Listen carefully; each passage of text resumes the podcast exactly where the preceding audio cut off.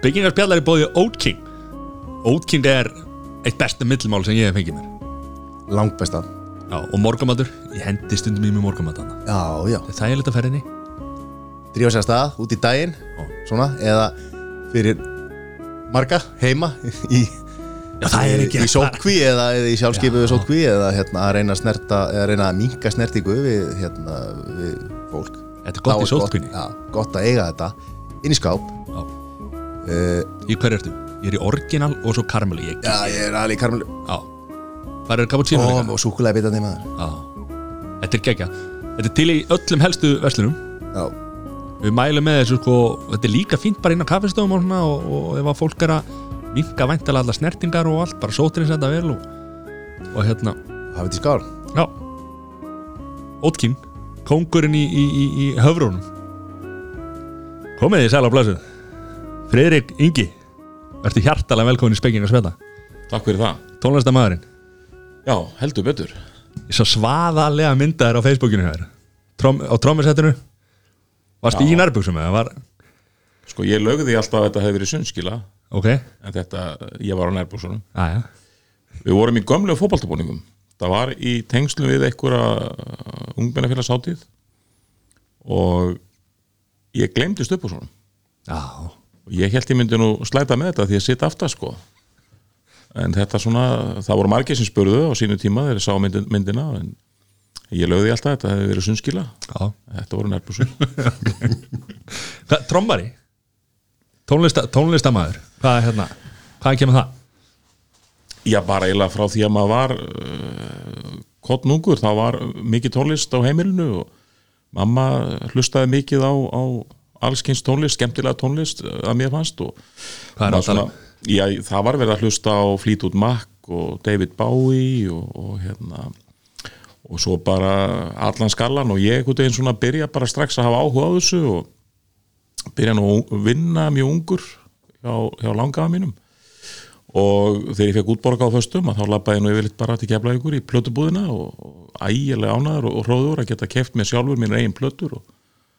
og þannig að ég var byrjar að kaupa plötur bara mjög, mjög snemma og, og síðan voru bræður mömmu, þeir voru mikið að hlusta þannig að ég, þar kynntist ég svona hinn á þessu, Genesis og Pink Floyd og, og hérna já og bara allir í flórunum á segja og svo bara þroskast þetta uh, hjá manni og áðurinn í vissa var ég komin í hljómsveit uh, fyrst allægin að vera söngvari. Svo gerist það nú einn daginn að hérna að frendi minn sem er semst yngsti bróðir mömmu, hann, hann var að tromma í einni sveit og ég var að syngja í annari og, og ég var einhvern veginn að fykta í settinu hjá honum og einhvern veginn bara leiði ég settist á trommusvettið þá bara náði ég einhvern veginn bara taktinum strax og svo bara er að fljótla selda mér trommusettið og ég fór að spila trommur og, og var í svona hinnum ímsu skólaböndum og tók þátt í músitilurinnum hérna eitthvað tíman 80 og mann ekki 6, 7 Hvað hljónsið það? Herðu, hún hétt Splendid. Dotti Littli var nú, var nú einn af söngurunum, vorum með nokkra söngura og,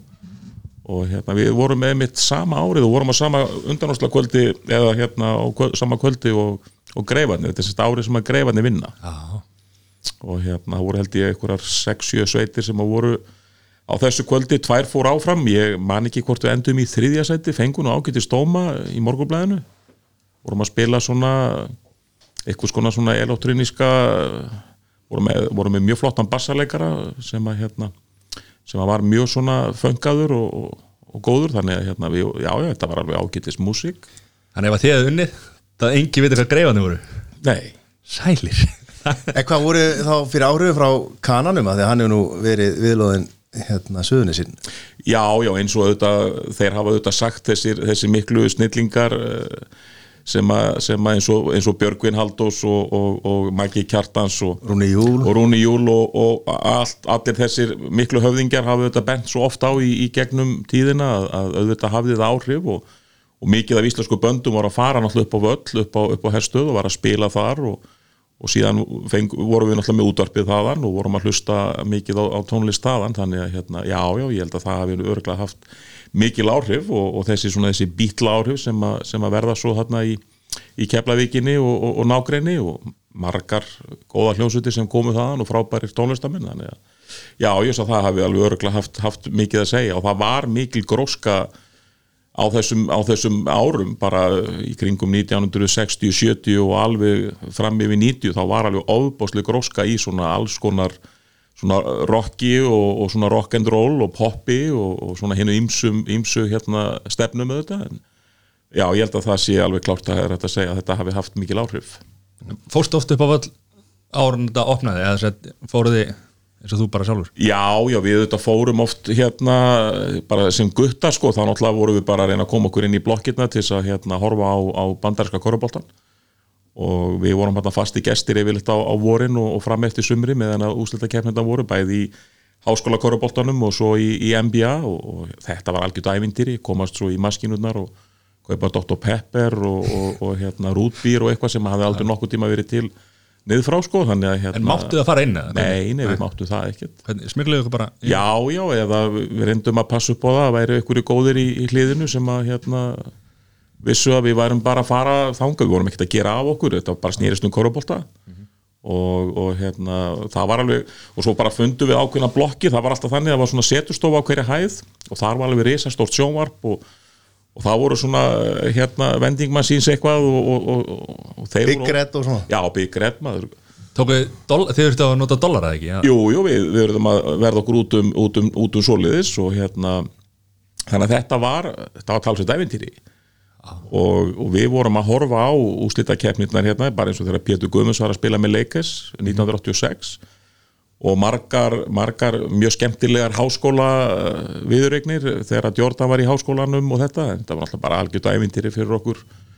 ungu, ungu drengina sem að hérna fórum, fórum upp á völl áður en að við fengum þetta allt saman bara eins og í beina útsendingu eins og í dag, þetta er náttúrulega bara með ólíkindum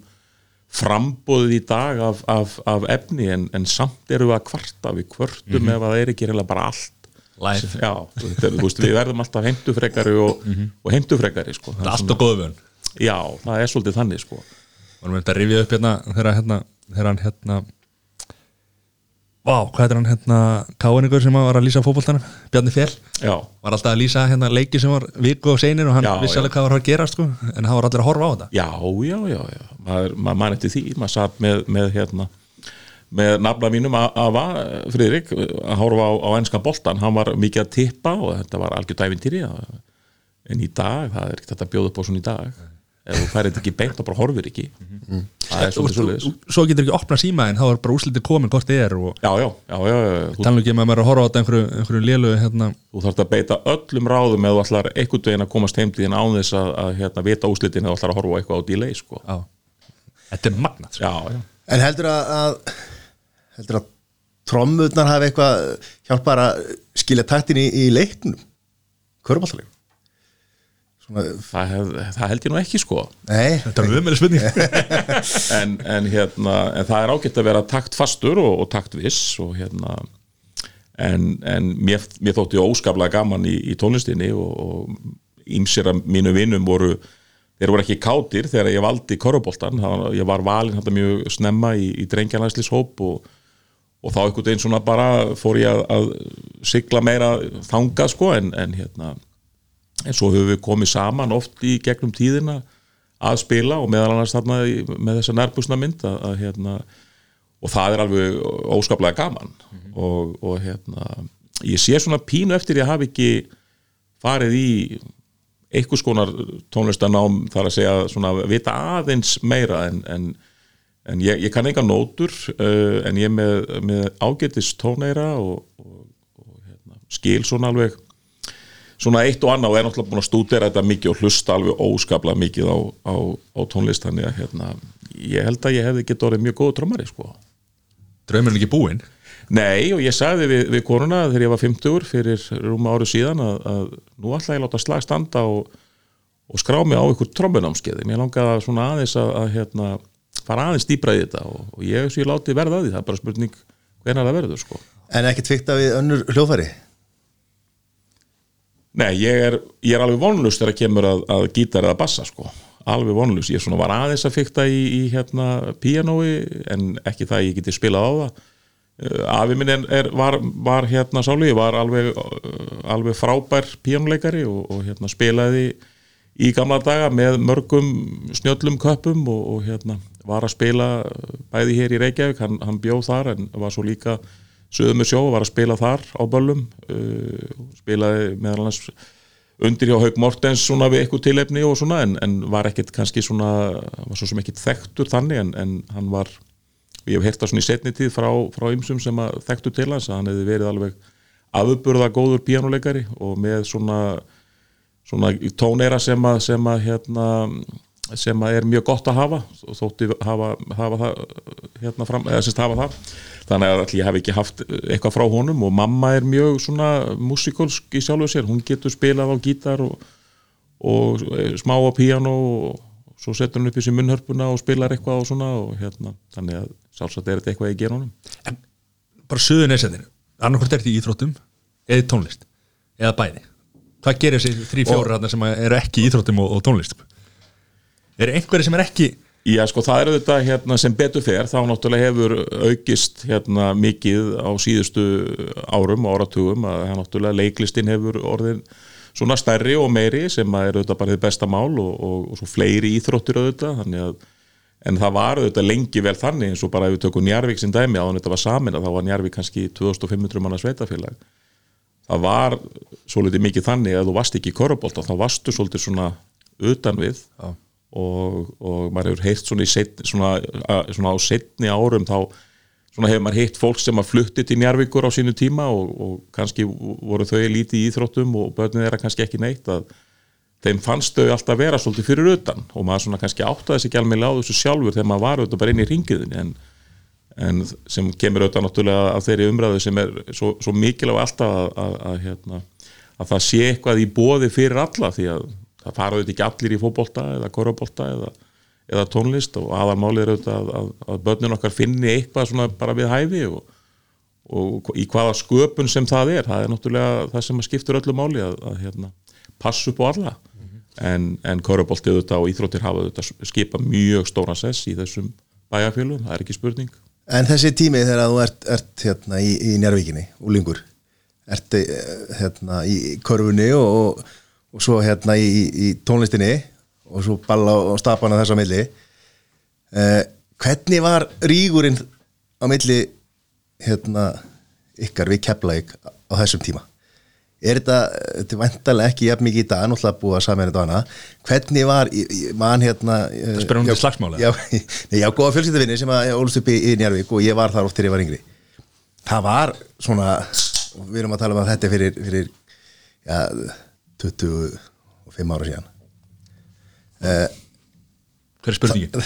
þá var rosa, þú varst ekkert að hætta þér yfir í Keflavík eða, eða,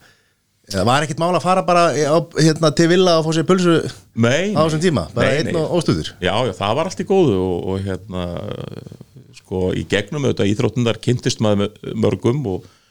og var með þeim mörgum í, í kringum drengjanlandslýshópa og linganlandslýshópa og, og, og svo náttúrulega þegar við verðum 15-16 þá förum við í fjörbutarskólan og þá kynnist maður mörgum og margir mjög góður og fínir vinni mínir í, í dag en, en það var samt mikill rígur og, og það var stundum slettist á, á milli og það gat alveg komið til einhverja handalögmála hér og þar og eins og gengur og tala nú kannski ekki um ef að það var eitthvað í húfi, eitthvað sem var búið í gangi, eitthvað rígur verða að berjast um eitthvað montrétt eða eitthvað, hvort sem það tengdist korubolt eða ekki, það var alveg komið fyrir svoleiðis atvik en það hefur breyst talsvert og ég held bara að svona almennt sé nú bara miklu minna um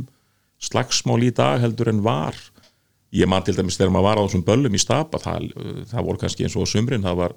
það voru böll nánast hverja einustu helgi og það voru líka bara blóðu slagsmál hverja einustu helgi og það var ekkit endilega njárvikingar og keflingar að berjast. Umbyrðist, það gáttu verið hinnur og þessir en það voru þetta vinsæl böll stapin var, var mjög vinsælt eh, hérna ballhús og, og, og svona hefur mikla sög og mikla sál þannig að hérna Það er allir að taka selfie í dag maður að hafa ekki tíma til já, þess. hafi ekki tími í þetta sko og vilja heldur ekki að selfie myndin sé vond sko, að Nei. það er ekki í slagsmáli sko. og, og það, það, er, það fækkar alltaf í hópnum sem að sér tónleikana sem það fer á eða, eða hérna, íþróttaleiki því það er meira og minna alltaf bara í einhverjum upptökum sjálf sko. það er stundur svona gaman að að velta þessu fyrir sér en, en, en rígurinn hefur alltaf verið og það er alveg rígur í dag maður finnur alveg fyrir því en hann hefur breyst, hann er öðruvísi og, og, en það gæti alveg slest vel upp á í, í gamla daga og menn, menn letu, letu hendur svona Varst þú í því? Nei, ég hef nú aldrei verið mikið í, í slíku sko ég hef nú hérna reynt að, að svona hafa bara munni fyrir neða nefið og reyna sjá það rétt að í stöðinni og reyna svona að, að hérna, frekar að stemma stígu við eitthvað svoleiðis ef, að- ef að hægt er Já. En, en maður var svo sem þú veist, maður átti alveg til að vera í einhverju fúti. Já, En voru leikmenn og þjálfarar að flakka á milli liða hann segjum bara grindaði keflaði Njarvík á, á þessum tíma? Var það ekkert svona tabú eða? Sko það var, það var eitthvað um það að menn færu til Grindavíkur frá báðum stöðum en, en ekki á milli Njárvíkur og Keflavíkur. Það einhvern veginn var algjör tabu og, og það var hreinlega bara ekkit eh, svona litið neitt einhverjum svona uh, góðum augum sko. Þannig að hérna, en það gerist miklu setna ég hugsa að á þessum tíma þá datt það bara engum í hug. Það var einhvern veginn, keppni var bara það mikil og, og þetta voru bara svona eins og þegar þessi lið mættust, þetta voru bara svarnir óvinnir og, og leikirnir voru mjög harðir, margir hverjir. Mikið um pústra og olbóaskot og, og, rindingar og annað sko sem að hérna getur verið stundum mjög áhornandavænt og skemmtilegt og svona skapast ákveðin, ákveðin stemning en, en hérna, en allt er svo sem best í hófi en nei, það, það, það datt engum í hug á þessum tíma að vera að fara á milli liða, það eins og ég segi, það gerist setna En hvað kemur til að, að tvítur þá ferða að þjálfa hérna kvennalið hjá Njarvík? Já, ég var eiginlega átján Eða átján? Hvernig, hvernig var Byr- þetta? Byrjum að undan þessu, Körubolta áhugin Hvað er hérna, þú varst að tala um á hann að fara í ung, ungur að horfa á hérna upp á völl að horfa á NBA og allt þetta hvað, hvað dróði þangað og hvernig, hvernig byrjaði ka- karvan? Já, í rauninni bara Njarvík var auðvitað í efstu deild og, og hérna, það voru að koma amerískir leikmenn og, og þeir voru að þjálfa okkur í yngri flokkonum og, og þetta þótt okkur spennandi og við fórum að fylgjast með og við fórum að fara á leiki og fara í ljónagrifuna og svo voru alltaf rútuferðir á alla leiki og hérna þannig að einhvern veginn bara svona færi maður þennan, þennan, hérna, þennan áhuga og Stemmingin í bænum. Já, og maður fyrir svona að sjá sjálfans í að einhvern daginn verður maður kannski þarna líka að, að, að hérna, vera að spila fyrir fullu húsi og stemning og svona. Þannig að, að hérna já, þannig að maður eiginlega bara svona dregst einhvern veginn með og, og, og í njárvíkonum hefur þetta eiginlega verið þannig og oft kannski í svona minni sveitafélögum að, að ef að, að köruboltalið á staðnum oft er sagt að það er ekki nema 5 til þess að vera í byrjunarliði og, og, og svo 5 pluss í viðbót til þess að geta mynda svona ágætt slið að, að hérna, að í njárvíkonu var þetta þannig að ef það voru einhverjir yfirbyrðar svona bara alliða íþróttamenn þá fóru þeir alltaf í það minnsta á eina köruboltæfingu og ef að þeir urðu strax hérna góðir og þá bara heldur þeir áfram og, og þá svona við helst þessi áhugi en, en ég hefði reyndar fótbolta alveg samhliða og handbolta líka í mörg, mörg, mörg ár sko. og ég hætti ekki af fótbolta fyrir en ég var bara alveg að koma undir tvítugt sko. æfði sund með, með annars líka í nokkur ár og kefti á nokkru sundmótum og þannig að maður var einhvern veginn í, í öllu á þessum tíma sko. Hvernig náður að koma tónlistin inn í þetta líka? Svo bara beint úr sundlegin á skílunni á trómunda Já, sko, þetta, maður, þetta var var, þetta, þetta, það var bara alltaf verið eitthvað að, að hérna, það náttúrulega voru, það var ekkit internet, það voru enga tölfur það, það Það var ekki YouTube og allar þessar að nei. stela, stela en, tímanum. en ég ætla ekki að reyna og ég hef nú sagt það áður sko, ég ætla ekki eins og að reyna að halda þið fram að maður einhverjum, einhverjum hérna raunveruleg, raunverulegum svona leikjum eða, eða verið inn á YouTube og finna allt sem er í, í, í bóði þar, alla svona gamla, upp, gamlar upptökur af einhverjum tónlingum og annað, þannig að þarna einhvern veginn varstu bara að, að ef að þú allar að gera hlutin þá varstu bara að gera sjálfur. Og þú hafðir ekkert, þú hafðir, það var ekkert sjónvarp á 50 dögum og það var ekkert sjónvarp í júli og... Ef þú ætlar að hitta vinnina þá verður bara að vera úti á leikvang Já, og við vorum bara alltaf eitthvað að brasa og við stopnum kattavinnafélag og það var í gamla gúanóinu sem að var hérna á, á bæjarmörkunum keflaði Nærvík við vorum hérna að finna ketti þar og, og hinga og hanga og ætlum að vera ægilegir svona kattavinnir og, og fara að gefa þeim að borða og, og svona og reyna að koma eins og á heimili og, við vorum að hafa formaður og, reytari og þetta var allt svona. Svo, svo byggum við til íþróttalið, keftum okkur búninga sjálfur, þannig að það var alltaf eitthvað verið að brasa sko en svo fannst mér einhvern veginn líka, ég átti nú heima alveg við sjóin ég var alltaf nýri fjöru, ég var alltaf að veiða. Alltaf nýri, fjöru að, hérna, að veiða uppsa og, og kóla og marnút, það náttúrulega var mikil, mikil vinsla hérna í sjöstjörninni gömlu góðu í nærgónum og hérna, það var bara mók fiskir í þarna. Þannig að við, man, manni fannst við verðum alltaf þar líka sko, þannig að Svo hugsaði tilbaka, það varst allt í öllu Alltaf Já, ekki bara ég, það voru bara svo Já, margir. Já, ég meina, það voru bara þetta, Svona var bara einhvern veginn lífið, við vorum alltaf eitthvað að brasa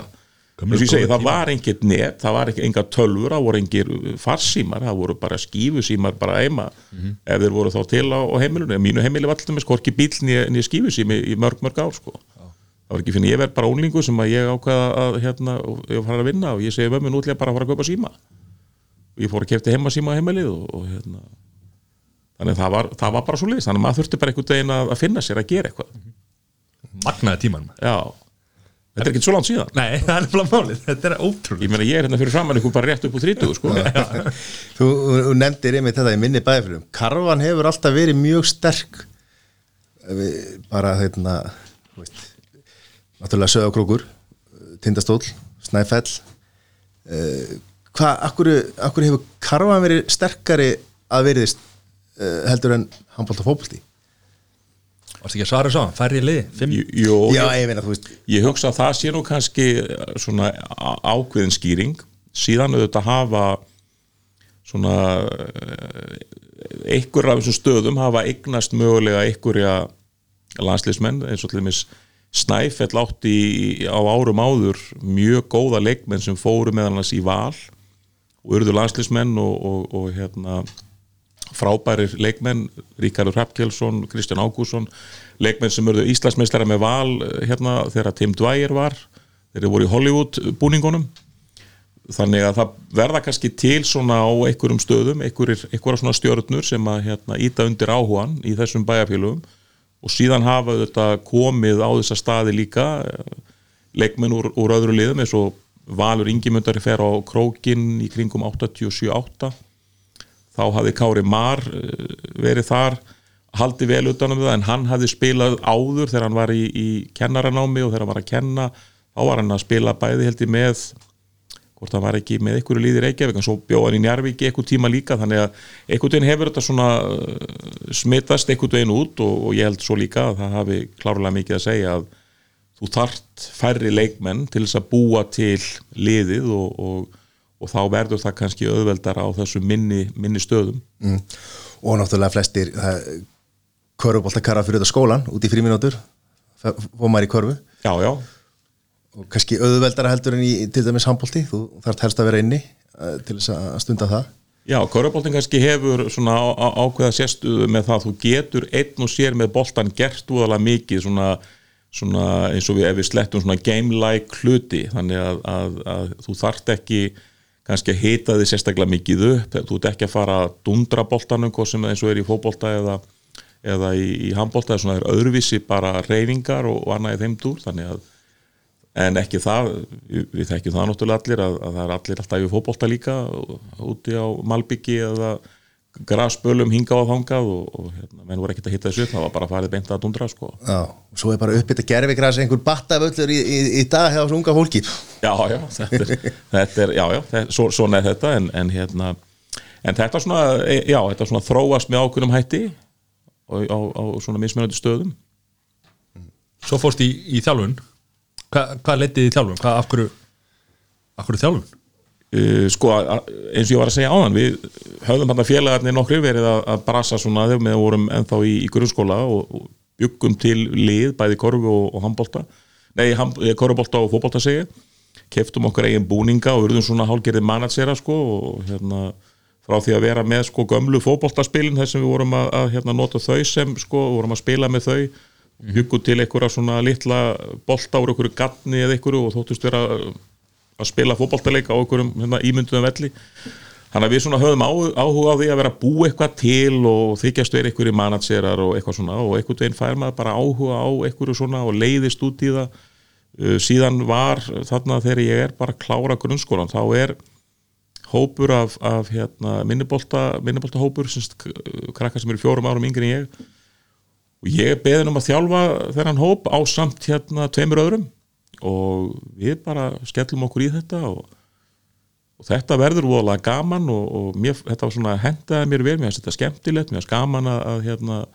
að svona vinna með uh, hópi af, af, af ungu fólki og ég var alltaf sjálfur þetta bara barn ánast en, en hérna, þetta var eitthvað svona hillandi og skemmtilegt og, og ég bara held áfram að þjálfa bara upp frá þessu og svo náttúrulega er ég komin hann inn í meistaraflokk og, og þá var svolítið til síðs að meistaraflokksmennu voru stundum að þjálfa yngri flokka eða jafnvel meistaraflokk kvenna á staðnum. Og það var eitt leikmaður sérst, í okkar liði sem að, hérna, var með meistaraflokk kvenna en hann misti eiginlega áhugan svona um miðjan vetur og, og eiginlega bara plataði mig að taka við þessu. Ég, þá var ég bara 18 ára 19 ára held ég. Þannig allt í einu var ég bara komin á bóla kafið þetta sko. Það er rosalega og landar Íslandsmetratilli sem þjálfari 22 ára, það er ekki rétt. Jú, hvernig hérna, hvernig voru svona aðri þjálfarar væntanlega töluvert eldir en þú svona að jafna þið var þið tekið vel hérna inn í, inn í þá stjætt já, já, já, já. Ég hérna, ég hef ekkert yfir neinu að, að kvarta og, og hérna bara bæði þeir þjálfara sem að maður var að þjálfa á, á móti þá og, og eins í dag ég er bara alltaf reynd að vera opinn og, og, og hérna bara almennilegur, reyna að, að vinna með öllum og ég, nei, ég man ekki eftir að, að hafa lent í einhverjum útustöðum eða einhverjum leiðindum eða, eða menn var eitthvað að breyða fyrir mig fæti eitthvað óeðlega mikið eða fundist eflust hefur það farið í taugarnar á einhverjum að einhver ungur þjálfari var komin hérna að taka spotlightið, það bara gerðist og, og það er, ég, það er ekkert personulegt ég, hérna, maður reynir bara að halda áfram að gera sitt besta og en, en hjá liðinu sjálfu og öðru leikmenn fannst, var erfitt að fá, svona, fá virðingu veist, kannski eld, eldri leikmenn og allt það, erfitt að hafa stjórna mannskap? Nei, því að sko þeir, þeir pressuð á mig í rauninni sko, þegar að hérna þegar þessi reynslutími var komin hérna fyrsta mánuðin í, í september, ég semst hafði byrjað með æfingarnar eftir Vestlurmannahelgina, þessa frægu þegar þetta var alltaf bara farið að stað eftir Vestlurmannahelgi þá var ég í rauninni að stýra æfingunum áður en að bandaríski leikmaðurinn sem átt að þjálfa okkur þannig að ég var búin að vera með hópin og ég var eiginlega bara beðin um það því að af þessum leikmannahópi þá var ég búin að vera að þjálfa svolítið reglulega hérna í nokkur ár og ég syndi þessu bara, þú veist, það var bara svona rétt að aðeins að halda utan um þetta og þannig að svo kemur þessi leikmaður og eftir mánuð þá kom í ljósa að það var svona ekki alveg að ganga, hann væri að gera bæði. Þannig í rauninni koma bara leikminni þennan málið við mig og þannig að þeir stuttu mig og, og ég hef sagt þetta áður í, í hérna í viðtölum að það er eiginlega bara með ólíkindum hversu mikið þeir bökkuðum upp sem er alltaf bara alls ekkit sjálfgefið og, og ég auðvitað svona og það, svona, það bara gerðist eitthvað þennan fyrsta vetur sem að, að svona, svona þetta varð auðvitað var þetta skrítið og, og, og maður var að taka stáið eitthvað sem að maður kannski átti ekkit endilega að hafa þroska til en, en þetta er svona einhvern veginn small ágætlega og ég held bara að, að svona bæði þeir sem voru í stjórn og, og leikmannahópurinn það voru einhvern veginn allir bara að róa í sömu átt og þetta bara gekk upp og það þroskaði mann auðvitað mikið en mjög skrítið. Mjög skrítið. Varst, Varstu spilandi þjálfarið þarna fyrst þá var Nei, ég man eftir þeir, sko, þeir vildu eða svona já, þeir, þeir lögðu til leikmenninni þeir er eiginlega komið til mér hérna fyrirliðarnir og, og, og helstu líkilmenn að þar sem ég væri svo ungur að þá væri hún sennilega best fyrir mig fyrst og fremst kannski og, og svo þá liðið að, að ég myndi bara einbeta mér að því bara að þjálfa. Að það væri nú kannski fullt mikið fyrir mig að, að að vera bæða að þjálfa og spila og þannig ég tók mér eitthvað tvo, tvo dagi í að velta þessu fyrir mér. Reyndar hafði mér borist til erðna þannig ég, ég hérna sagði við við hérna kærustunum mína þá sem er kona mín í dag að, að hérna ég held að sé eitthvað í pípónu núna sko, ég held að ég sé að fara að fá í hendurnar bóðum að þjálfa. Þannig ég var svona aðeins byrjaður að, að hugsa þetta en, en svo bara ákvaði að já já. Hvernig fannst þér að taka ákvörðun 22 ára að hætta, hætta að spila þá? uh, sko á þeim tíma fannst mér að kannski ekkit svo erfitt. Uh, en svona setna velti maður því fyrir sér hvernig leikmaður hefði maður orðið. Uh, ég var alveg ágætis leikmaður var í öllum yngri landsliðum og byrjunarleismadur í, í hérna U18 landsliðinu og, og, og spilaði nokkur tímabili í meistarflokki og, og tímabili runni semst áður en að þetta svona, já, kemur inn í fer að þjálfa þarna þessa meistarflokka þá var ég að spila ágætis rullu alveg í tvö ár hérna undan og þannig að maður svona fór svona velti því stundu fyrir sér en, en ekkert, ekkert sem að hérna, ég sé eitthvað að, að að svekja mig eitthvað á eða það sem er búið er bara búið og Ég held að það hefði verið að reyna bóla þarna út Hrættir um byrjanleis já, gæti, það gæti verið sko.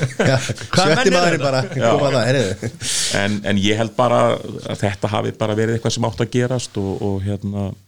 mér finnst ólega gaman að vinna með fólki og, og, og hérna reyni að hafa góð og, og svona jákvæð áhrif á, á það samfélag sem er að vinna í hverju sinni og reyna svona láta gott á sér leiða og, og hérna þannig að það náttúrulega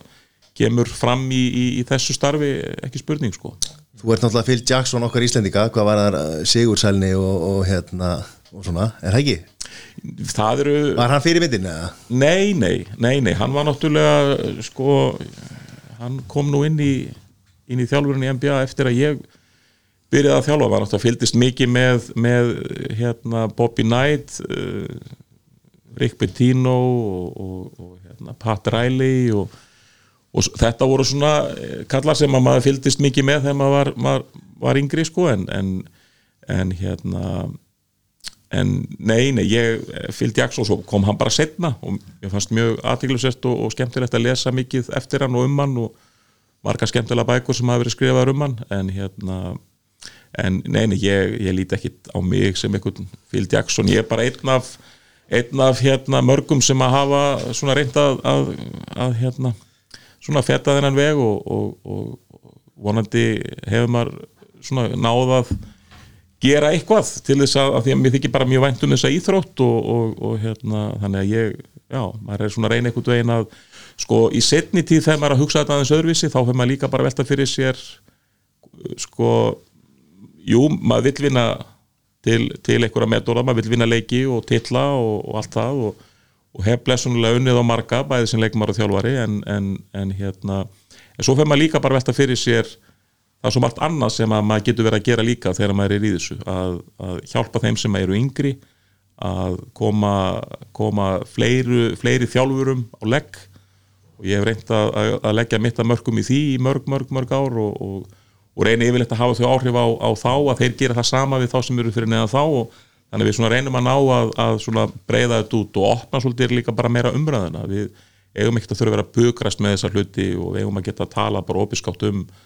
þannig verður bara íþróttum betri og leikurinn betri og við fáum fleiri betri leikmenn og, og, og þannig að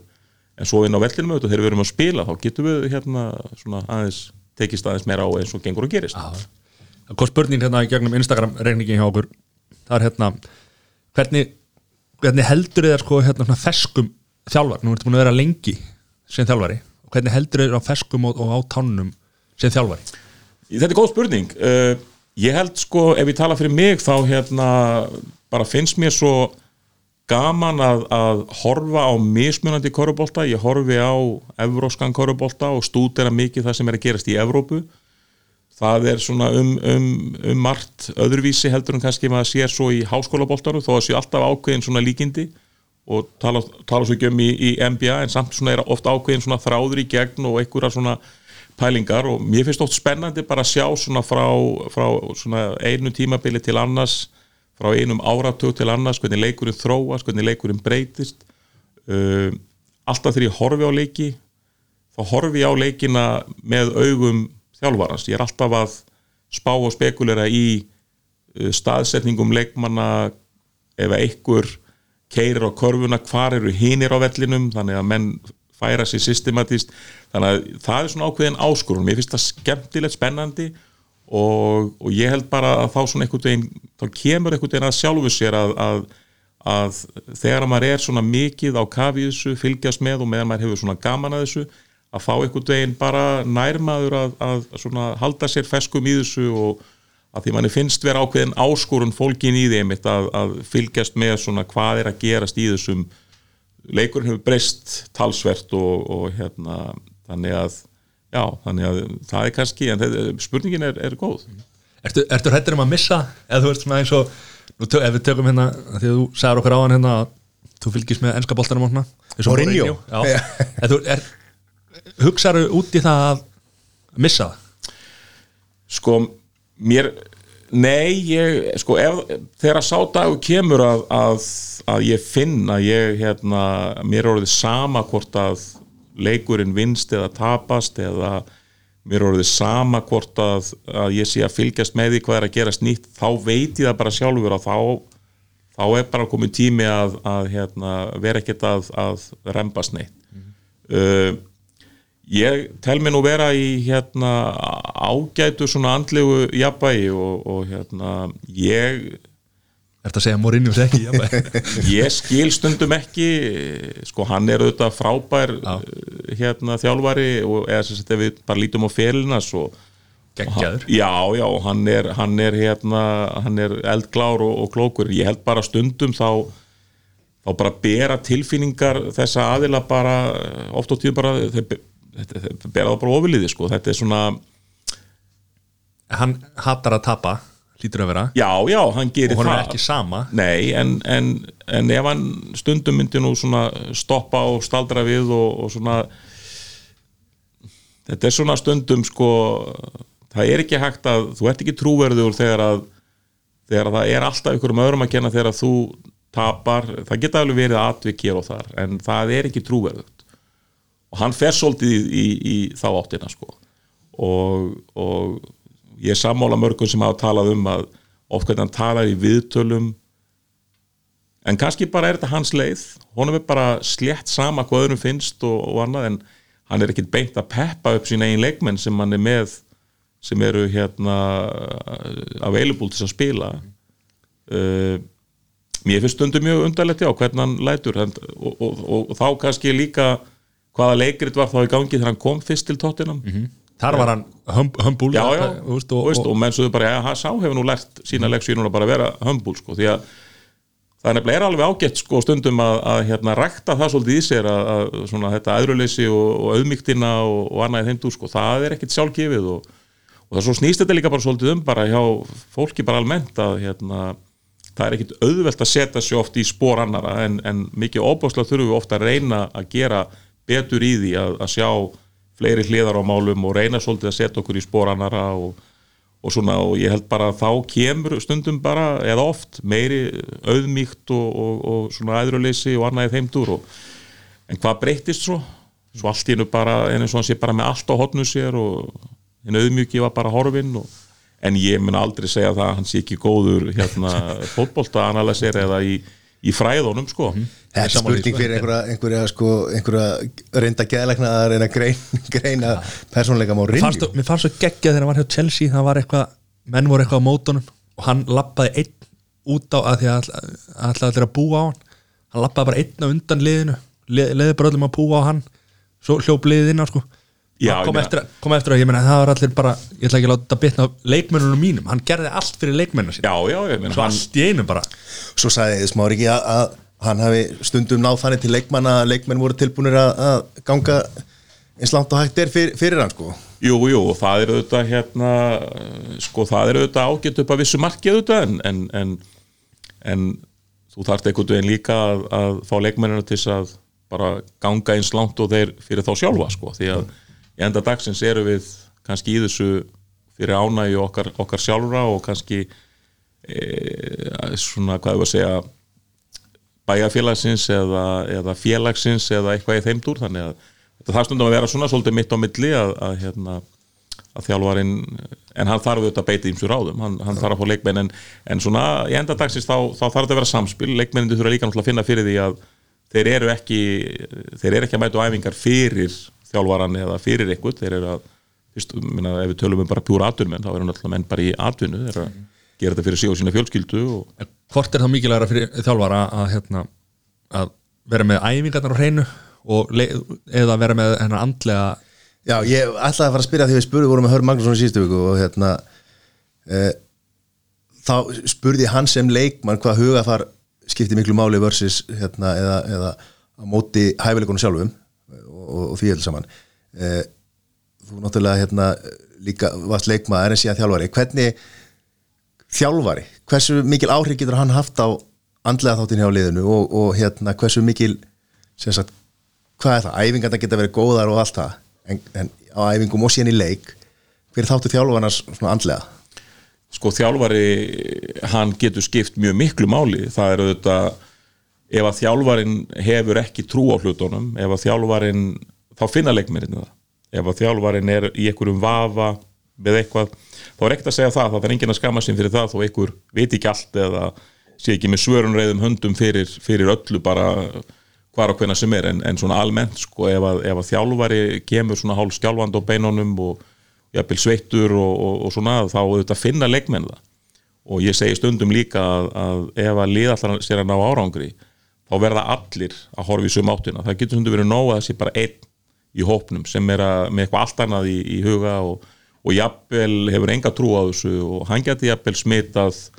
einn eða tvo í viðbót og þá, það getur verið nóg. Stundum er bara nóg að sé bara einn sem er bara með svona eitthvað. Þannig að þjálfæri þar stundum að stilla þetta af og hann getur stundum svo nýtt sér eitthvað reynslu mikla leikmenn eða fyrirliðan eða annað í þeim dúr en, en hugafar og, og sjálfstrust skiptir alveg óbúðslega miklu máli þessu og, og, en sko ef við tvinnum þetta saman sko allir þjálfarar leitast eftir því að hafa tvennuna, það er að segja að hafa motivation þáttinn, það er að segja að geta höfða til leikmanna, geta tala til þeirra, verið samfarandi og og, og, og bara svona verið innilegur og einlegur og ákveðin og allt í senn. En þurfa svo líka á hinvegin að hafa fræðin á hreinu þar að segja, að analysera anstæðingin analysera sín eiginleik og svona geta verið með alvöru taktík, bæði vörd og sókn. En það er ekkert óbúslega margir þjálfarar endilega sem hafa báða þessa þætti. Það eru miklu fleiri sem hafa annarkvort og þess vegna hefur það náttúrulega gest í gegnum árana rás að, að þegar við sjáum þessi púra atvinnumannaliða, það sita kannski fimm þjálfarar. Það eru, það er varnarþjálfari og sóknarþjálfari og það er þjálfari sem er með þetta og hitt svo ertu kannski með hérna, aðalþjálfara sem er kannski meiri svona hann er bara skipstjórun á bátnum en, en hann er með alls konar aðila sem að svona eru kannski bet betur uh, í stakkbúni til að, að lesa einhver ákveðna hluti og stýra æfingunum já og svo bara harmonar þetta saman en, en, en, en ef við tölum bara um sinna, þetta einstaka ígildi að þú bara með eitt þjálfara sem þarf í rauninni að, að gera svolítið mikið að þá hérna þá vilja allir eðlilega vera með báða þætti en það er ekkit endilega meirlutin sem er þar. Og svo getur, sko, þú getur verið með þjálfari getur komið inn og hann kemur inn bara á nefanum og, og það er motivation og það er kraftur og það getur gengið ákveðin tíma. En svo fer hallundan fæti ef að það fylgir ekkit annað með. Mm -hmm. og þá fara ég að byrja leikminn og ég maður hef búin að heyra marg, marga sögur af þessu í gegnum árin og áratugin að bara hvaðan af sem er að svo bara gerist það að, að menn er ekki en, en, endilega til, þú veist, vera bara findalusur og hlaupa, það fyrir að vanta meiri leikfræði og, og, og svona ímislegt annað sem að hérna, til að ná lengra. Og svo öfugt. Ef að þjálfari sem kemur inn sem er alveg sprenglarður og hann er með allt upp á tíu hvað þetta var en hann er alveg vonlus að ná til sinna leikmanna Þetta er bara búksmart og strítsmart Já, þetta sko, þú veist, þú, þú verður að hafa bara svona, það er bara svona dass af öllu ekkert veginn, það er auðvitað best. Og allir er auðvitað að reyna að keppast við að gera þetta, ég meina maður er alltaf að reyna að, að verða betri í að samskiptast við fólk og svo er maður að reyna að vera góður í fræðunum og vita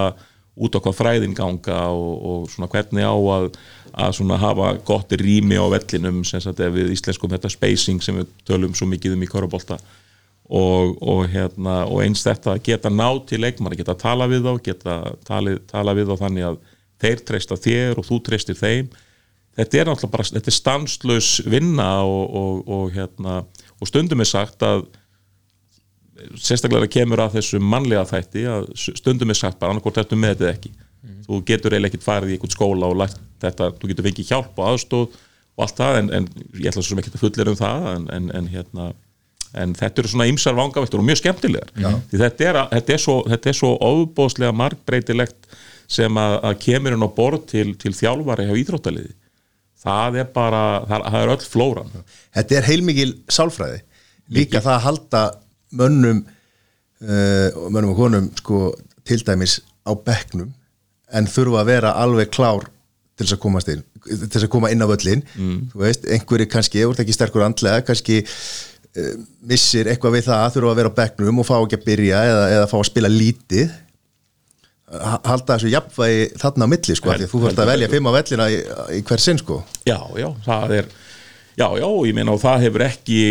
þetta, það hefur auðvitað alltaf verið hérna óþólumæði þeirra sem er á bekknum og ungi leikmenn og, og svo er kannski einhver eldri sem að fá lítið að spila eða minna heldur þau telja sig hérna eiga að fá að spila og það hefur auðvitað alltaf verið en, en, en þetta hefur svona það hefur breyst mikið núna í setni tíð með meiri upplýsingagjöf og, og, og svona öllum þessum hérna svona allir þessari nútíma tækni og annað og það er ekki bara hér á Íslandi þetta er svona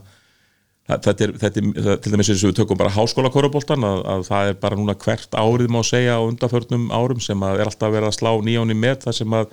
leikmenn er að transfera á milli skóla og þetta er miklu meira heldur um var áður. Og, og þeir hafa svona verið að gera svona einhverjar kannanir á þessu og, og það, þarna er bara óþólumæðin bara í sinni skýrustu mynd að það er engin þólumæði fyrir því að ef ég fæ ekki að spila strax þá er ég bara farin mm -hmm. grasi er græna hinnum megin. Og það getur alveg verið stundum. Og, og hérna, ég er ekkit feimin að segja það að, að ég hef alveg verið með hérna, leikmenn og við, við erum allir einhvern veginn að, að, að svona, vinna með þetta. Það, það getur verið leikmenn sem að passa ekki endil inn í þetta umhverfi en passa bara mjög vel einhverstur annar staðar og þetta er líka bara eitthvað sem maður þarf ekkert að skamma sér fyrir og, og er alveg rétt í einhverju tilfellum en, en þetta er svona, þetta er mikil flóra og það er mikið að hérna Þú ert bara að lýsa öllu leikmennu United sko, þeir myndu henda betur í einhverju öðru lið Ekki lengur maður, þú ert náttúrulega, hann er á óli útvagninu sko, Nei. útrúlega En hérna, uh, já, það sem ég að spyrja var, þú, nú þekkir þú alla þjálfarna á Íslandi sem sem er að þjálfa á móti þér og, og, og þekkir flesta leikmennina. Er, er hægt að koma þér eitthvað óvart? Eða þú veist, þú voru að tala um leikgreining og þú veist að greina leikin og svona. Er eitthvað sem að hefur einhver komið bara óvart og valtað yfir og þú bara betur hvað gerðist hérna? Já, það hefur, það hefur alveg gest að, að, að hérna ef maður svona horfið bara tilbaka að í einhverjum leikjum kannski áttu maður ekki von á að, að, þjálfarin eða liði myndi leika kannski þessa tegunda varnarleik eða eitthvað og, og, og, og hérna og samaskapi hefur maður sjálfur kannski einhver tíman smelt inn einhverju jafnvel stundum ekkert það sem hefur verið æfnitt mikið heldur maður tekum maður bara séns og maður sér það kannski bara á, á sko, viðbröðum anstæðingsins að hann er algjörlega týndur Já. þannig að þú getur alveg gert þetta en, en, en ég held sko með þetta þessari tækni sem er í dag og við erum að, að skoða gömgjafilega öll leikkerfi og, og, og allt þetta. Þá snýst þetta náttúrulega bara um ákveðin gæði í leikmönnum uh, ákveðinum aga og í rauninni bara hvernig og í rauninni eru mörg svona marga leikfléttur og leikkerfi sem að sem eru gegnum gangandi hjá öllum liðum. Það eru hérna, mörg lið að spila svipuð afbríði af ákveðnum svona, ákveðnum svona setplace sem við köllum það eða svona einhverju svona sem við köllum svona, svona gegnum gangandi sóknarleiku sem getur gengið rauninni bara ring eftir ring eftir ring uh, það eru mjög mörg lið í deildin að spila bara nákvæmlega sama. Og þá snýst þetta svolítið um bara að svona kannski að vera með einhverja fléttur út úr því eða, eða bara hvernig eins og, eins og er einhvern alltaf bara að tala um bara framkvæmdin skiptir máli. Þú þarft að selja hlutina þú þarft að, framkvæða um að þó einfallega bara betur heldur en heldur en aðstæðingurinn og vera fljótur þá að, að, hérna, að svindla á móti svindlinu og allt þetta sko en, þetta skák og Já, já, en, en jú, ég held að við getum allir sagt það þjálfararnir að á einhvern tíðanpunkti hafa komið upp aðstæður í leikjum þar sem að, að kannski eitthvað sem að hinnum datt í huga að gera var kannski ekki endilega eitthvað sem að þú áttir vona á hann myndi gera. Þannig að hann var kannski ekkit búin að gera þetta í mörgum leikjum og undan og ég hef ekki þekktu fyrir það einu svona að spila mikið af svæðusvörnum eða eitthvað, eitthvað slíku þannig að ég held að, við höfum allir eitthvað tíman annarkort verið gerendur eða, eða þólendur í, í þannig aðstæðum og það er bara partur af þessu. Er þetta skemma leikin eða er þetta, er þetta bæta leikin þessi tækni og, og þessi leikgreiningar og, og, og allt þetta? Það má alveg, alveg hérna diskutera um það svo sem þetta er spurning frá mér. Já, góð spurning. Uh, Ég held að, að Já, í mínum að þetta er er ekki að skemma leikin held ég sko. En, en það verður auðvitað svona að minna um að, að sko liðin vita miklu meira í dag heldur bara fyrir 20 árum síðan þannig lagað hvernig hérna anstæðingurinn er að, að spila. Þeir mennum að rætta sér einhverjum vídeospólum til þess að hérna, skoða. Já og þá kannski vorum við ekkert með neitt mjög hérna mikið af einhverjum klippugræðum þá var nú kannski meira bara verið að horfa á og skrifa niður, teiknu bleikkerfin og, og annað og, og svo kannski að maður búin að merkja hérna á hvaða sekundu eða mínútu eitthvað og svo hérna setti maður tæk, tæki stundum í á og, vídeofundi á videófundi, þetta var allt sig, þú veist, og, þetta, og miklu bara sjaldnar og annað í þeim dúr, en nú er þetta bara þannig að Sideline, hérna, er það ekki? Jú, jú, er á- menn er að nota sideline og svo eru menn að nota, eru komin eitthvað fleiri líka ágætis hérna tól en ég hef verið að nota sideline núna í, í, í hérna 18 okkur ár og, og, og hérna kann ágætlega við það. Og þetta er bara orðið standart í dag. Ef að þjálfari sem er ekki með þetta að, að hérna, í hvaða formi sem er leikmenn bara kalla orðið eftir þessu og, og, og það er bara að finna góða. Við getum líka auðvitað að nota þessa tækni til þess að gera þá betri líka því að þeir sjá sjálfan sig gera hlutina bæði rétt og, og svo kannski ránt líka og, þannig að það er auðvitað öðru sér heldur en að þjálfarni stendur bara út á gólfi og, segir honum það leikmanni gæti hugsanlega að þetta var ákveð ekkert svona. Nei, miklu betra að sína á vídeofundi aftur og aftur klippuna, sérðu hvað? Þú ert að gera rátt hérna Það. Hljóst út af hérna, hvað er ekki Já, já. En talandi standart í dag sem var ekki áður og þú breytti leiknum. Jakkaföld Já, það var nú mikið gert grína mér þegar ég, þegar ég byrjaði á þessu maður. Og þótt, þótti djart. Það var Í kannski fjólubláðu jakkin og, og Já, já, en þá rauðajakkan sem Rauði var- jakki. Já, rauður maður. Og hérna, hann er ennþá til, hann fer sjálfstæð eitthvað sapn uh, Já, þá já, ég bara ég var alveg all in þannig einhvern veginn og ég, mér, bara, mér fannst þetta svo spennandi, skemmtilegt og, og, og mér svona langaði til þess að svona aðeins að, að svona hrista þess upp í þessu og,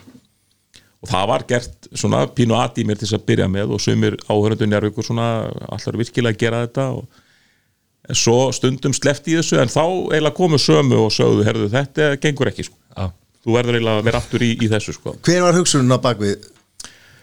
fyrirmyndin var í rauninni bara frá þessum stóru deildum út í heimi sko. bæði, bæði hvað var það bara út í Evrópu og, og í Bandaríkjónum og það voru allir í þetta var einhvern veginn bara þjálfara klæðnaðurinn að vera í, í jakka hvað sem að var skýrta eða skýrt og bindi og eitthvað annað heldur en flipflops eða, eða einhverjir æfingaskór, íþróttaskór þetta var svona mér fannst þetta vera svolítið svona, svona körubólta þjálfara klæðnaðurinn og svona kannski að skera aðeins hérna út frá, frá hinnum en ég þú veist, hérna, þetta var eiginlega bara þannig Hvenær byrjar þessu? Bara strax eða? já, já, ég fór bara all in bara strax þarna þegar ég tek við Njárvík og ég var hérna í mörg ár bara með svona, það var auðlýsingarsamningu milli, milli hérna félagsins sem ég var að þjálfa hjá og, og, og hérna og það, hérna persóna var, var fattaveslun í, í Keflavík og, og, og hérna ég fór bara alltaf fyrir hvert leik og náði nýjón í jakkaföld og þetta var bara ákveðin, ákveðin, ákveðin seremonía sko. Ljón, hart sko. já, já, já þannig að, já, já, þetta hafði svolítið áhrif og, og ég hef svo sem fengið alveg viðbröð úr öðrum íþróttagrefum líka að, að svona, menn horfðu svolítið til þess sko, en, en hérna en, já, já, en eins og ég segi þetta, Þetta tók, þetta tók smá tíma að, að, svona, að síast inn og, og það kannski hjálpaði ekki til að, að ég var bara nýfemdur þegar ég byrjaði að gera sko. bara að fá já, fyrsta leik ferminga Þú veist, það hefði kannski, það hefði kannski verið öðruvísi ef að hérna, ef einhver svona einhver, einhver fáaður eldri aðili hefði kannski byrjað á þessu sko, en, en, en svo svona með tímanum að þá tókum en þetta svo sem alveg í sátt og Hvað segður leikmennið þar hana? ég held að þeim hafi bara þótt þetta spennandi sko. Og, og eins og ég sagði á hann, það var bara alveg ótrúlega skrítið, eða bara ekki mynd skrítið, jú, kannski einhverju liti en bara gott og andrusloft í kringum þann tíma þegar ég tók við liðin og, og það var alveg sama með, með fötin sko. Ég hefði sást geta verið í nærbúrsunum sem ég var í á, á trómusettinu og þeir hefðu bara að digga það líka sko, sjálfsagt. En ma- maður skinnjar svona hérna örgulega stemminguna sem var hann í þessu 91 liði hann að það var, var ekki 91 jú? Það var hérna þeir vildi fá sér þjálfara þú mættir í jakkafötunum þú veist þetta var var allir þetta var bara eitt teimi já, já, alveg, alveg bara hyggstalaust sko. Og, og svona, já, var bara hérna það var það var aldrei, það, menn bara tókust á það var, var, var hérna og menn lestu bara allt einhvern veginn innan liðsins. Það var aldrei verið að væla og skæla. Menn kannski voru með einhver, einhver atrið utan svona en þegar menn kom inn í húsið einhvern veginn þá var alltaf bara allir onn og, og þetta var svona og, og, og, og þeir sem er, hafa verið í seguliðum þeir þekkja það, það það bara gerist eitthvað það bara gerist eitthvað innan liða. Og þú bara einhvern veginn ferð bara svona á ykkur á öldu og þú bara, þú ert bara surfin sko og, og hérna having a good time sko. Það, það bara gerist eitthvað hjá liðum stundum sem að allt smellur. Stundum hefur jafnvel verið eitthvað svona jafnvel e, svona bras svo bara allt í einu dettur inn í einhvern gýr og það bara sér ekkert fyrir endan á því fyrir þú bara allt í einu komið með byggarinn í lók tímabil sko. Það var, þetta var svolítið þannig, þannig hérna, vetur, það voru einhvern veginn allir bara all in og, og svo, já, svo fórum við að taka meiri sátt í jakkafötin og fannst þetta allt saman hérna fínt og flott og, og það er svona þetta small allt einhvern veginn saman sko. Þessi fermingastrákum með eitthvað, eitthvað í pötunum Já. Svo bara geggja loka hafa stapanum og rúnu júla að spila það og allt bara dundrandi dundrandi, dundrandi partí. En hver er þá hérna sætasti Íslandsmeistara titillin? Er það með Njarvíka því að það er upp, upp eldisfélagi? auðvitað var þessi fyrsti náttúrulega mjög, mjög sérstakur en, en það verður líka segjast eins og er að þegar, að þegar að ég vann Íslandsmeistaratitilin með Grindavík 96 það var náttúrulega svo fyrsti í sögu félagsins árið áður höfðu við unnið byggamestaratitilin sem var þá rauninni bara fyrsti titil sem að liði í hópi þróttum hafði unnið í, í Grindavík sem var náttúrulega mjög stort og, og hérna að þá er það er, það er sko það, ég gleymi aldrei bara þegar við komum keirandi úr Keflavík í, í hérna rútunni og, og þegar sko bærin var á kvolfi allir með, með flugelda og blís og, og, og þetta var algjörlega með ólíkindum. Þannig að svo stund var náttúrulega svo stór ekki bara fyrir mig heldur bara fyrir bæjarfélagið. Þegar við vinnum 91, jú það hafði verið þannig nokkur mögur ár á undan og, og á þeim tíma var þetta bara þannig að, að, að þá var mikill æsingur í nærvíkonum eða vannst ekki titill svona í minnstakosti annarkvert ár. En þarna hafði ekki unnist Íslandsmeistaratitil í fjögur ár og fyrir mig, jú, að vinna á mínu fyrsta ári var þetta auðvitað óbúslega stórt. En þetta var kannski ekki endilega, jú, það var stórt fyrir bæjarfélagi en þetta var ekki svo fyrsti. Þannig að já, svolítið erut með að gera uh, upp á milli. Og svo eru þetta, já, svo, svo eru fleiri sem koma til greina. Eins og þegar við vinnum 98 okkur var ekki spáð, við endum í fjórðasæti held ég. Og og við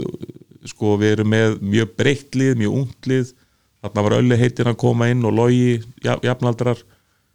16 ára. Um, þetta var svona ákveðin uppbygging. Við ætlum kannski að stefna á að, að, að gera eitthvað á tveimur, þreimur árum en, en allt í nú erum við mistar þessu fyrsta ári í þessari lótu en það er rosalega erfitt að, að gera upp á milli þannig að hérna en ef við ekki segja bara að, að svo fyrsti í Njárvík og svo fyrsti í Grindavík að þessi er bara á pari Er erfitt að gera upp á milli barnana sína? Já, það er þá, bara, þá ekki verið hægt Nei, það var ekki verið Nei. Sæður Við- þetta það, við alltaf. bönnum Ha? Ok. Hérna, tengingar við erlenda þjálfara og þá sérstaklega 76ers Já, Sælir uh, ég er alltaf búin að vera fylg í maður síðan að því við töluðum um áðan að, að hérna, þegar þessi bandarísku leikminn voru að koma til landsins þegar, hérna, þegar maður var ungur að, að, að spila og svo voru það að þjálfa yngri lokkana og ég nú sagt þess að sögu áður þannig að, að hérna, bara svona til þess að gera hérna, langa sögustutta þá sagt, bara er ég settur í eitthvað lið sem að heitir 76s á æfingum í, í minnubólta og, og þar með bara var það komið þá bara held ég með 6s og einhverjum nokkrum árum setna verðaði meistarar og svo ég bara haldi með þeim síðan og, og reynda að horfa á sem mest af leikju með þeim í gegnum tíðina og, og svo hef ég svona annars slægið í gegnum tíðina þá hef ég hitt á eitthvað af þessum þjálfurum sem hafa verið að þjálfa þar á þjálfaranámskeiðum hinga og hangað um heiminn. Og, og hérna og svo fekk ég náttúrulega tækifæri fyrir þegar að, þegar að sonum minn femdist þá í, í kringum eitt sem að ég þekkti þá fór ég með hann og hann fekk að vera boltastrákur fyrir eitt leikinn og, og hérna og við fengum svona að skoða allt saman á bakvið og, og hitta hérna ágættis menn og, og svo kom náttúrulega tækifæri hérna fyrir hvað, einu og hálf ára síðan þegar við Gústi Björgvins fórum, fórum hérna til fylgi til hans Einars sem er í rauninni sá sem að sér um Embiid og er hans í rauninni stjúkura þjálfari og, og treynir að hérna þá fikk ég tækifæri til þess að fara og hitta Brett Brown og spjalla við Elton Brand og, og hérna. Og alla þessa helstu, helstu kalla og, og svo Jim O'Brien og, Jim Lynam sem eru báðir gamlir í hettunni, eru báðir að vinna á, á sikkur og vettnáfni núna. Jim O'Brien er að vinna fyrir félagið en hinn er að vinna hjá sjónvastuðinni NBC, eh, hérna, NBCC eða hvað hann heitir, Philly. Og og hérna hann er svona var hefur svona verið heppin að, að, að svona ná að, að koma staðis inn fyrir, inn fyrir hérna inn fyrir félagið og, og ég var saði nú við á hérna í ganni þegar ég var að tala við á síðast ég sagði ég getur nú sagt um það ég væri búin að horfa á fleiri sixisleiki gegnum tíðina heldur þeir allir hann þjálfara teimi til saman sko. Og hérna þannig að maður er verið svona pínu ruglaður og yktur í þessu að horfa á þetta og, og, og bara þar kemur ennþá þessi pa- þetta passion og þessi áhugi bara, bara að horfa, ég er svo gaman að því að horfa á leiki og, og tala ekki um að það lið sem þú heldur með. Já. Hvað, hvað, um hvað talar svona þjálfarar sem að þegar þú- þegar þú tala við svona þjálfarar? Hvað er, er það að bera saman bækur eitthvað í, í leikkerfi og, og Já, sko, það fer svolítið eftir því sko bara hvenar maður auðvitað hittir þá og við fengum að fara til dæmis á leikdegi þá við vorum að fara að spila við Memphis þá fengum við að fara það var hérna um miðan dag þá voru þeir með svona rúmlega klukkutíma fund þar sem að, að hérna inn í fundarsal þar sem að þeir sátu allir þjálfararnir og analytikarinn og, og læknateimið og sjúkraþjálfararnir og allir með sína skýslur og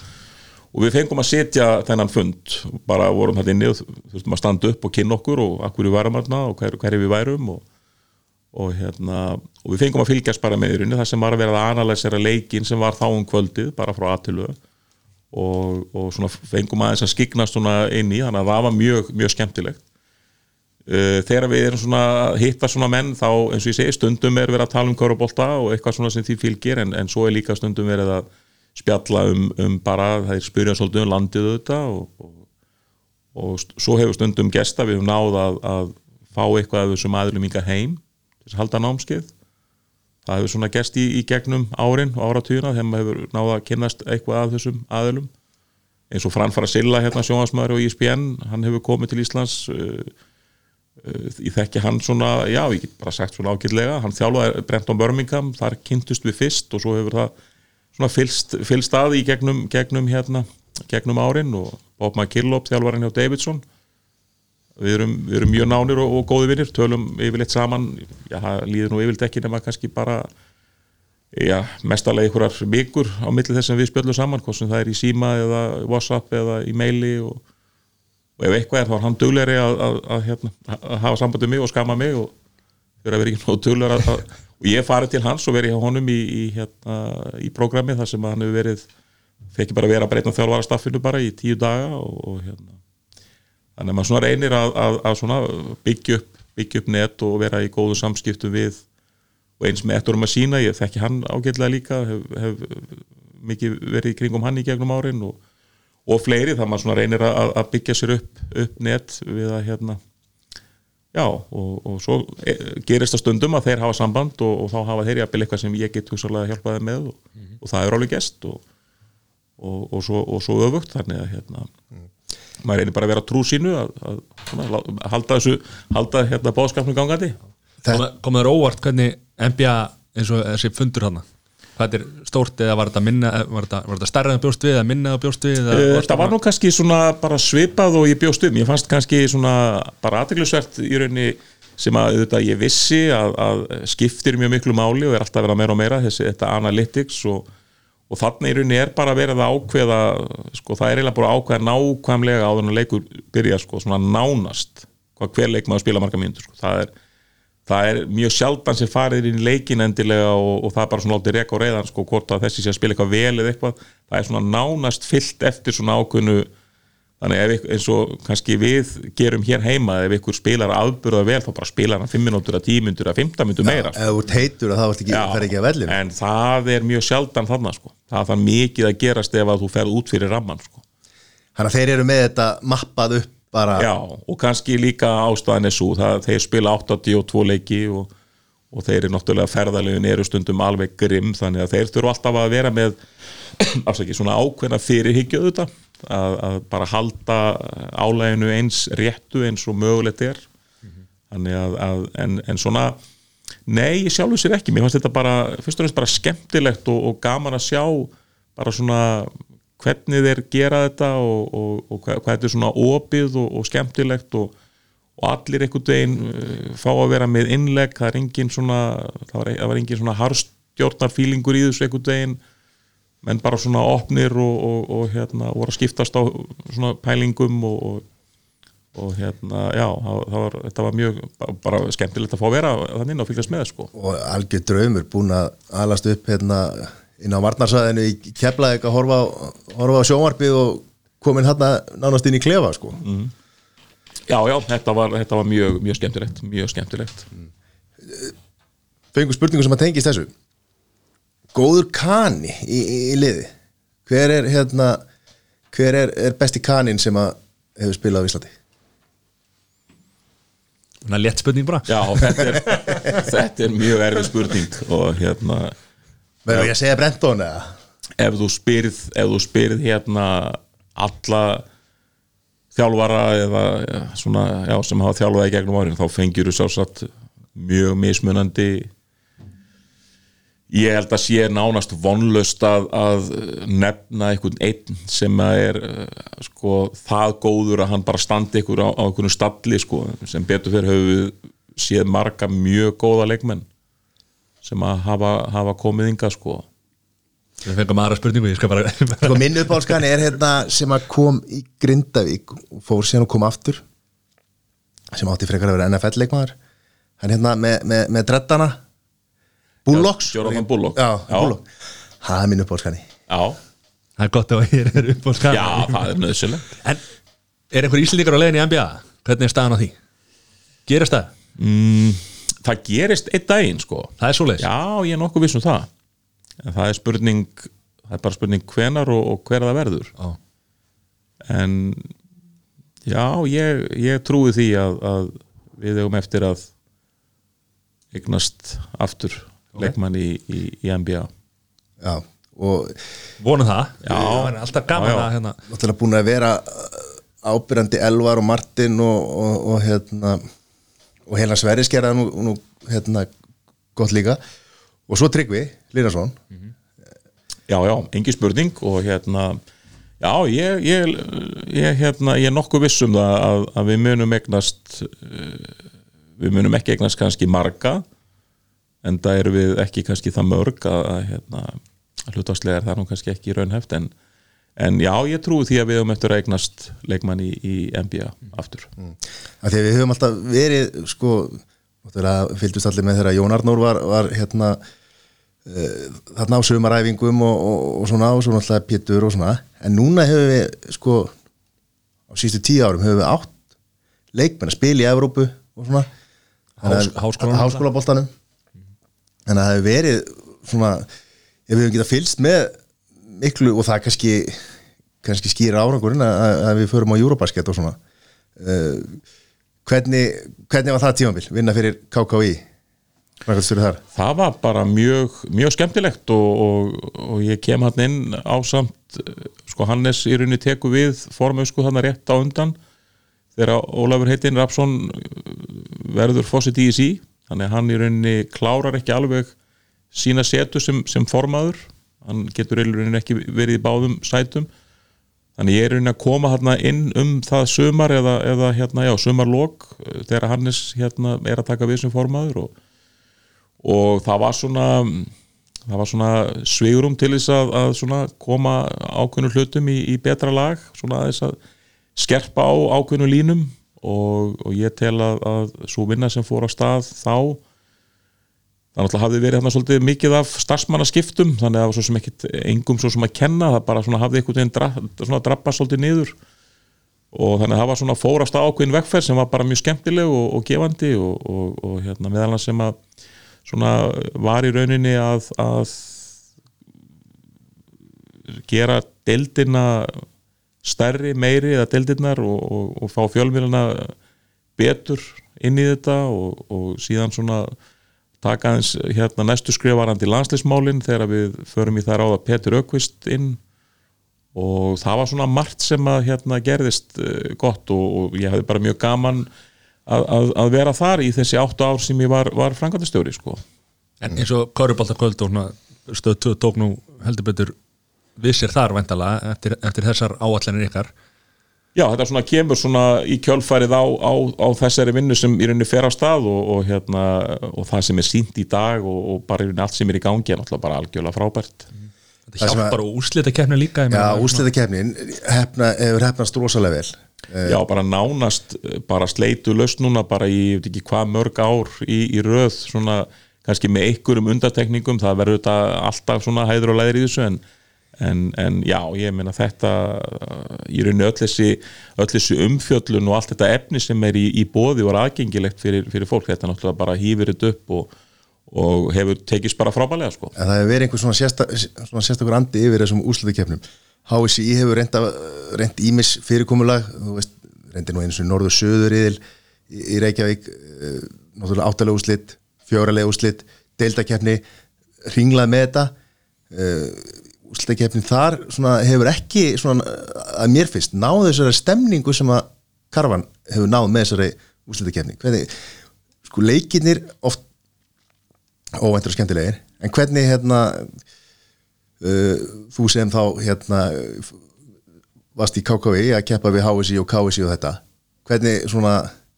hvernig varst þér að keppa við þessi hinn sérsambund, þessi stóru sérsambund sko í rauninni sko samvinnan hefur alltaf verið fín og, og allt soliðis og ég hérna en ég man til dæmis þegar við Hannes vorum að ræða þetta þegar við vorum að byrja.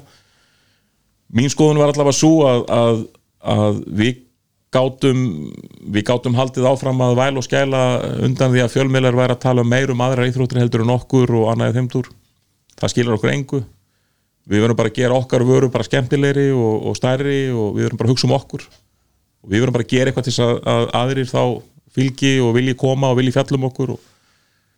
það er vestar sem að maður gerir það er að maður fer alltaf að velta fyrir sér hvað er að gerast þarna hinum megin og kenna ykkur um öðru um sko, maður verður bara hérna, að finna leiðinnar sjálfur.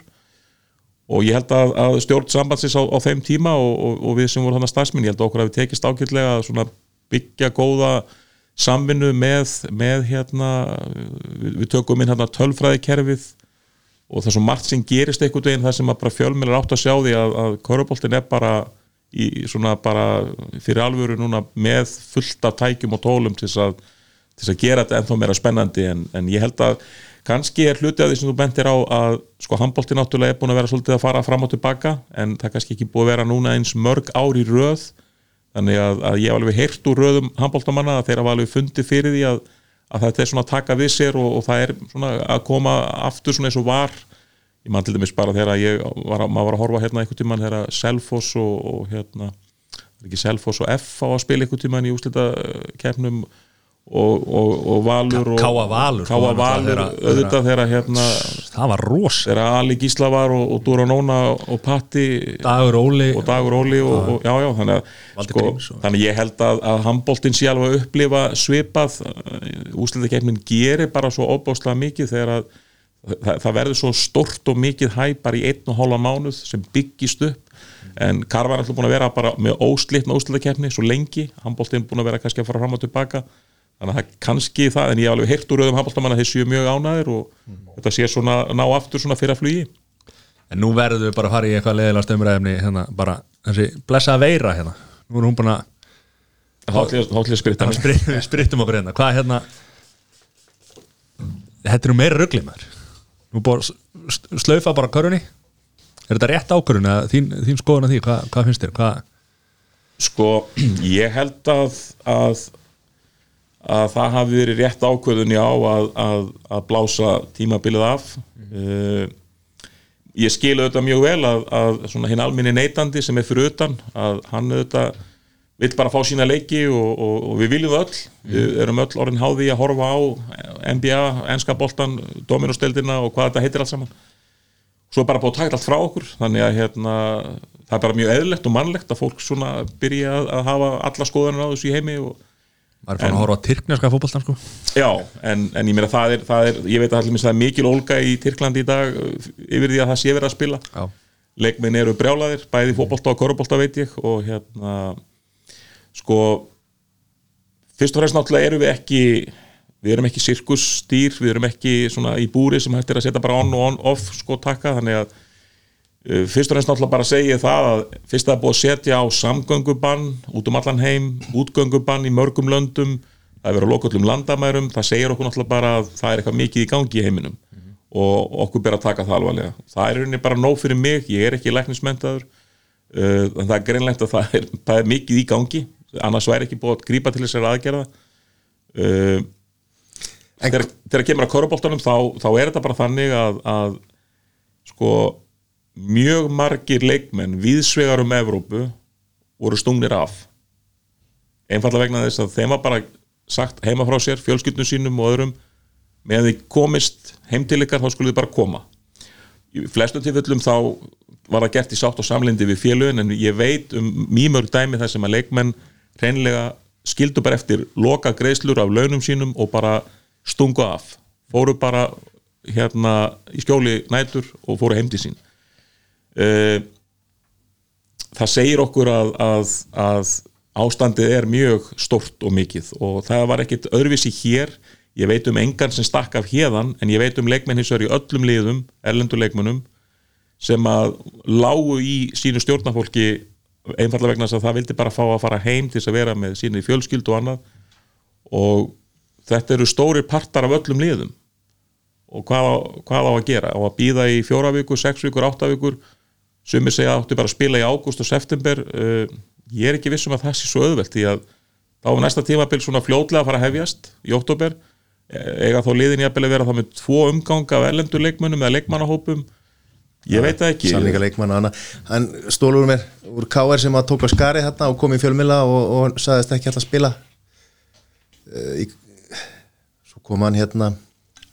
Leikmaður Brynjar Þór Björnsson uh, þannig að það er ekkit bara erlendu leikmenn sem er að reyna að komast heim heldur það eru náttúrulega líka íslenski leikmenn sem að hérna, eða innlendi leikmenn sem að hva, í hvaða landi er sem er náttúrulega líka vilja vilja, uh, vildi ekki spila. Uh, en hvað þá með útfæsluna að þessu? Sko ég sem United maður, ég er bara að blása þetta íþróttatífambil af, það er engin sigurveri tapar engin og sigur það, engin það er gert í, í, í korfinni núna. Já, að, nei, það er bara það, hérna, stjarnan og, og Valur eru Íslandsmeistarar er það ekki, búið að gefa það út? Nei, eru deltamestrar já, já eru bara deildameistarar það verður engin í Ísland þannig að verður engin en það ein, sko ok ég hef bara mínar hérna ég finn svo til með fólk eh, liðin sem er í kannski í, annar deildinu og er að koma upp og, og hefur, núna þarf það bara að vera aftur í, í annar deildinu þetta, er, þetta hefur svo miklu meira áhrif heldur um hver verður Íslandsmeistari eða þú veist, hver fellur, ég meina þe- þau liður heppin sem er í fallbarátinni Já, já, engin spurning og ég held að, að þetta auðvitað er nánast bara vonlaus stað að vera í vegna þess að það er ekki til eitt regluverk um þetta. Og ekki bara hér, heldur á fleiri stöðum. Og, og ég hef heyrt frá kollegum minnum í Evrópu að það er allur gangur á hvernig hlutinir eru. Og í mörgulöndum er ekki búið ákveða ennþá. Það er búið ákveða að slaufa mörgum tímabilum en í mörgulöndum en það er ekki búið ákveða útfæsluna Uh, síðasta sem ég vissi með Þískaland til dæmis í, í korfbólteldinni þar að lið sem að er í langefsta sæti þar það fær ekki að taka sæti í búndislíkunni á næstu tíma, á næsta tímabili. Já. það verður bara óbreytt. Uh, mögulega getur það verið uh, hérna kannski sko mér fannst þegar ég, fór, þegar ég var að diskur þetta með sjálfum mér þá hugsaði með mér það eru tvær leiðir sem ætti að fara. Það er annarkvort bara, það er bara óbreytt frá ári til ás, það er að segja bara þetta bara gerðist, það tekinn svo ákvörunum að, hérna, að, að blása tíðanbíl af hvort sem að það var gert og snemma eða ekki, ég meina sitt sín skörum og allt er góð með það. Uh, það verður bara óbreytt. Þau liðið sem hófu leik í þessum deildum síðastlið haust verða bara aftur á sama stað næsta haust. Þessi leið var möguleg. Síðan var hinleiðin það var í rauninni bara að taka loka stöðun eins og hún var og, og, og þá fella tvölið, tvölið eða eitt og eitt. Þannig að þetta var en Þetta- þetta er- já, staðan er vonlus þetta, er, þetta er algjörlega vonlus staða. En, hérna, en fyrst og fremst finnst mér þetta bara snúa að heilbriðis hérna, málum og, og það er væntalega hefði bara verið tímasins mál hvenar við, og það hafa nú þegar byrjað að koma upp sko smitt innan íþróttaliða. Og hvað þá það er verið að tala um undirliggjandi sjúkdóma. Það er alls konar fólk og öllum aldrei með undirliggjandi sjúkdóma. Það getur verið jafnvel einhver undirliggjandi sjúkdómar í fjölskyldum leikmannana þannig að fyrir mér skiptir það fyrst og fremst höfumáli. Og, og hérna ég var spurður að því um daginn hvort myndur vilja hérna falla eða eða hérna sko vera með með vírusin, eða sko ég sagði ef að sko ég, ég, ég fell þá frekar en, en, en sleppi því að, að, að þessi vírus heilsan, þú getur alltaf unnið upp ég, aftur það, það er bara þannig sko. Þú veist, þetta, þetta er bara glórulega sko, að mínum mati sko. en ég skil vel að, að, að, hérna, að það eru auðvitað spurningar út um allt og, en, en það er ekki já, ég, Já, En- og þó að við séum að tala um þetta svona grundvöldi körubólt og íþrótta sko, þá náttúrulega er heimurinn í sárum í, á öllum sviðum við erum kannski að tala núna þegar við erum að, að tala um þetta kannski tengt körubólta og einni líka, þú veist, það er hægt að segja að, að þetta muni hafa einhver áhrif á, á hérna, eins og er búið að vera umræðinni á, á hérna, fjárflæði félagana og, og tap og svona. En það er náttúrulega líka þannig, ég meina það, þó að íþróttina verði ennþá, þá eru fyrirtæki samtök eru, eru hérna, er að fara í dífu það hefur náttúrulega áhrif líka sko þannig að þetta, þetta helst allt í hendur. Já, ég meina það er eins og, eins og hérna, menn hafa verið að benda á einmitt á síðustu dögum að, að hérna, það er nóg, það er ekki bara það íþróttafélögin verði af einhverjum tekjum í, í hérna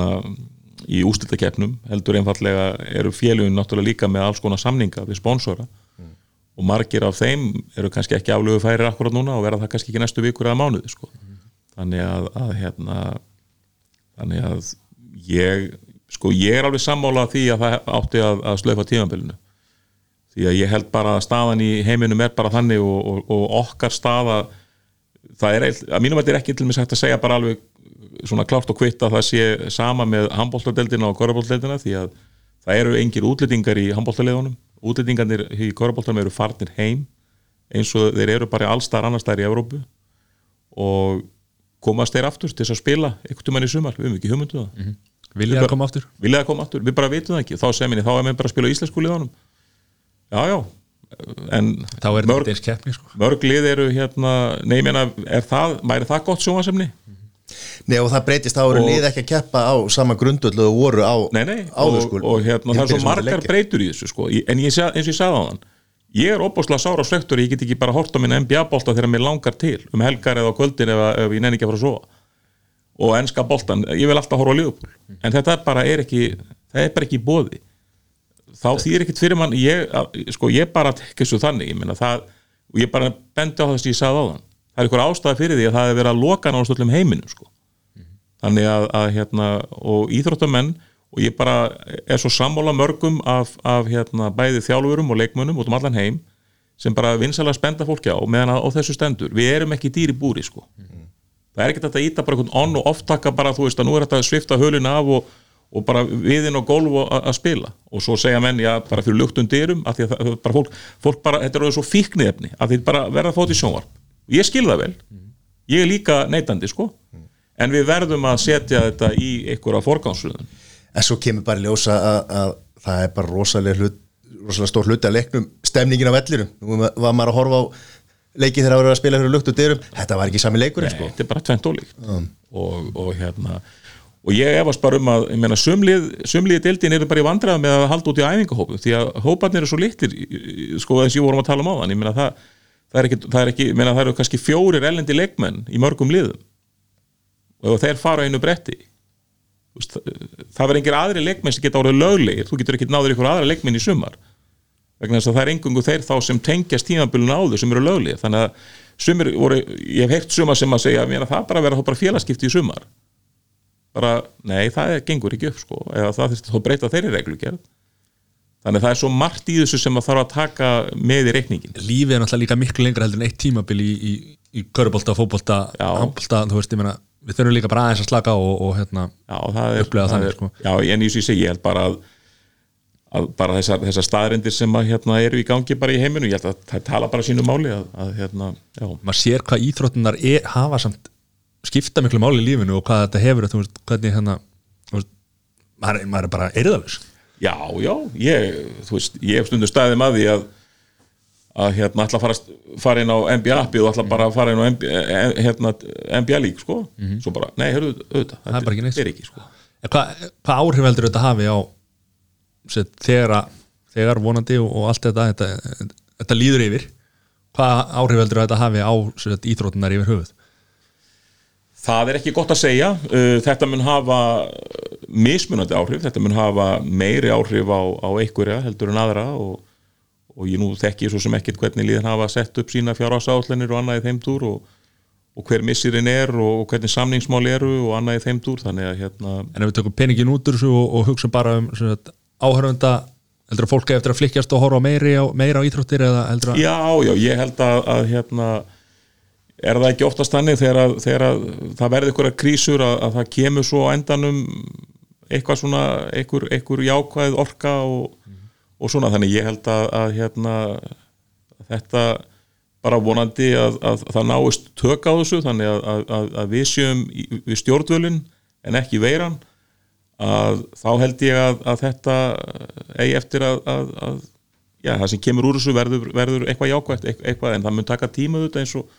eins og gengur og gerist en, en hérna, já. Það má nú segja að þetta á mörgum stöðum þetta hefur þjappað samfélaginu saman á, út um allar heim sko. Já, Þú veist, já. náunga kærleikan og hugsa um aðra og taka tillit og, og, og það allt saman maður með ekki knúsa menn og, og Já, já, menn, menn eru farnir að, að hérna, fara með allskins hérna, gjafir og pakka og skilja eftir fyrir utan hurðar hjá fólki og svona Jú, jú, ég meina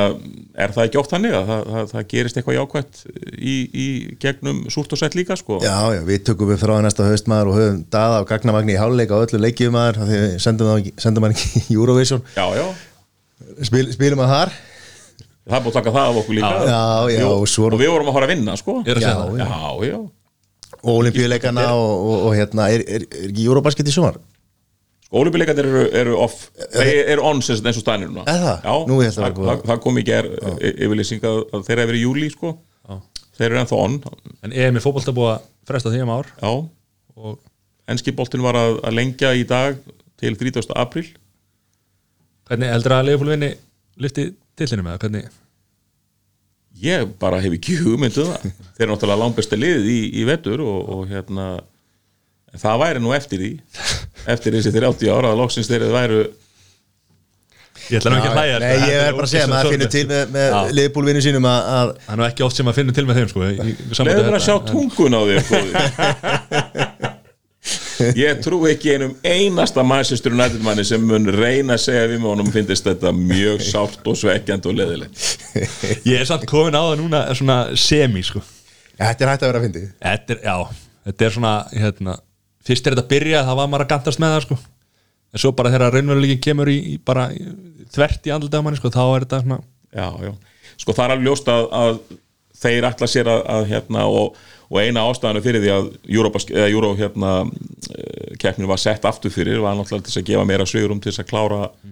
klára þessar deildir en, en það veit enginn ennþá. Það bara hreinlega veit enginn ennþá. Þannig að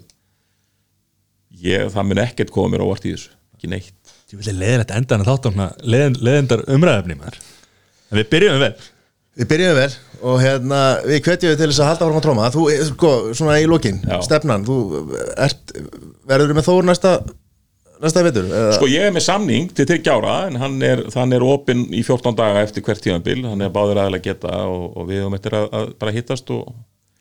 og fara yfir, yfir hlutina Þú hefur nú stundum hótaði að hætta í gegnum árin? Bara einu sinni sko. Er það bara einu Já sinni? þá hótaði ég ekki þá, þá bara, ég held ég var hættur. Já. en ég var, ég Var var það 2016? Nei, 17 17 en ég var ekki hættur af því að, af því að hérna, nei, 2000 það var 2018 það var 2018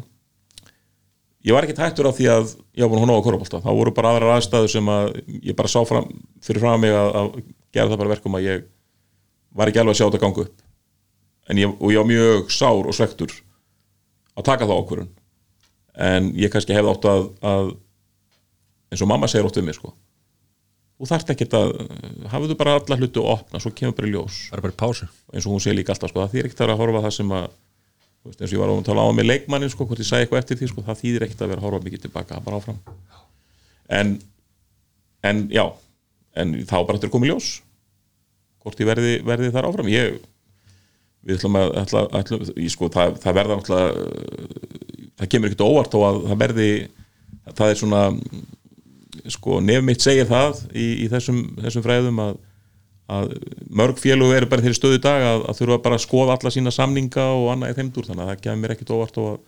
þó við myndum heyra einhverjar, ekkert endilega breytingar en, en, en svona að það verður svona reynt að, að svona stemma stígu við, við, við þessar aðstæður sem eru komnar upp sko. en að því varst að tala um tromma, jú, ég Júraðursson næstari sko, ég á við þann draum að tromma allavinn á eitt lag sem að eru gefið út sko. já, er það ekki? Já, þú, þú ert ekki á blödu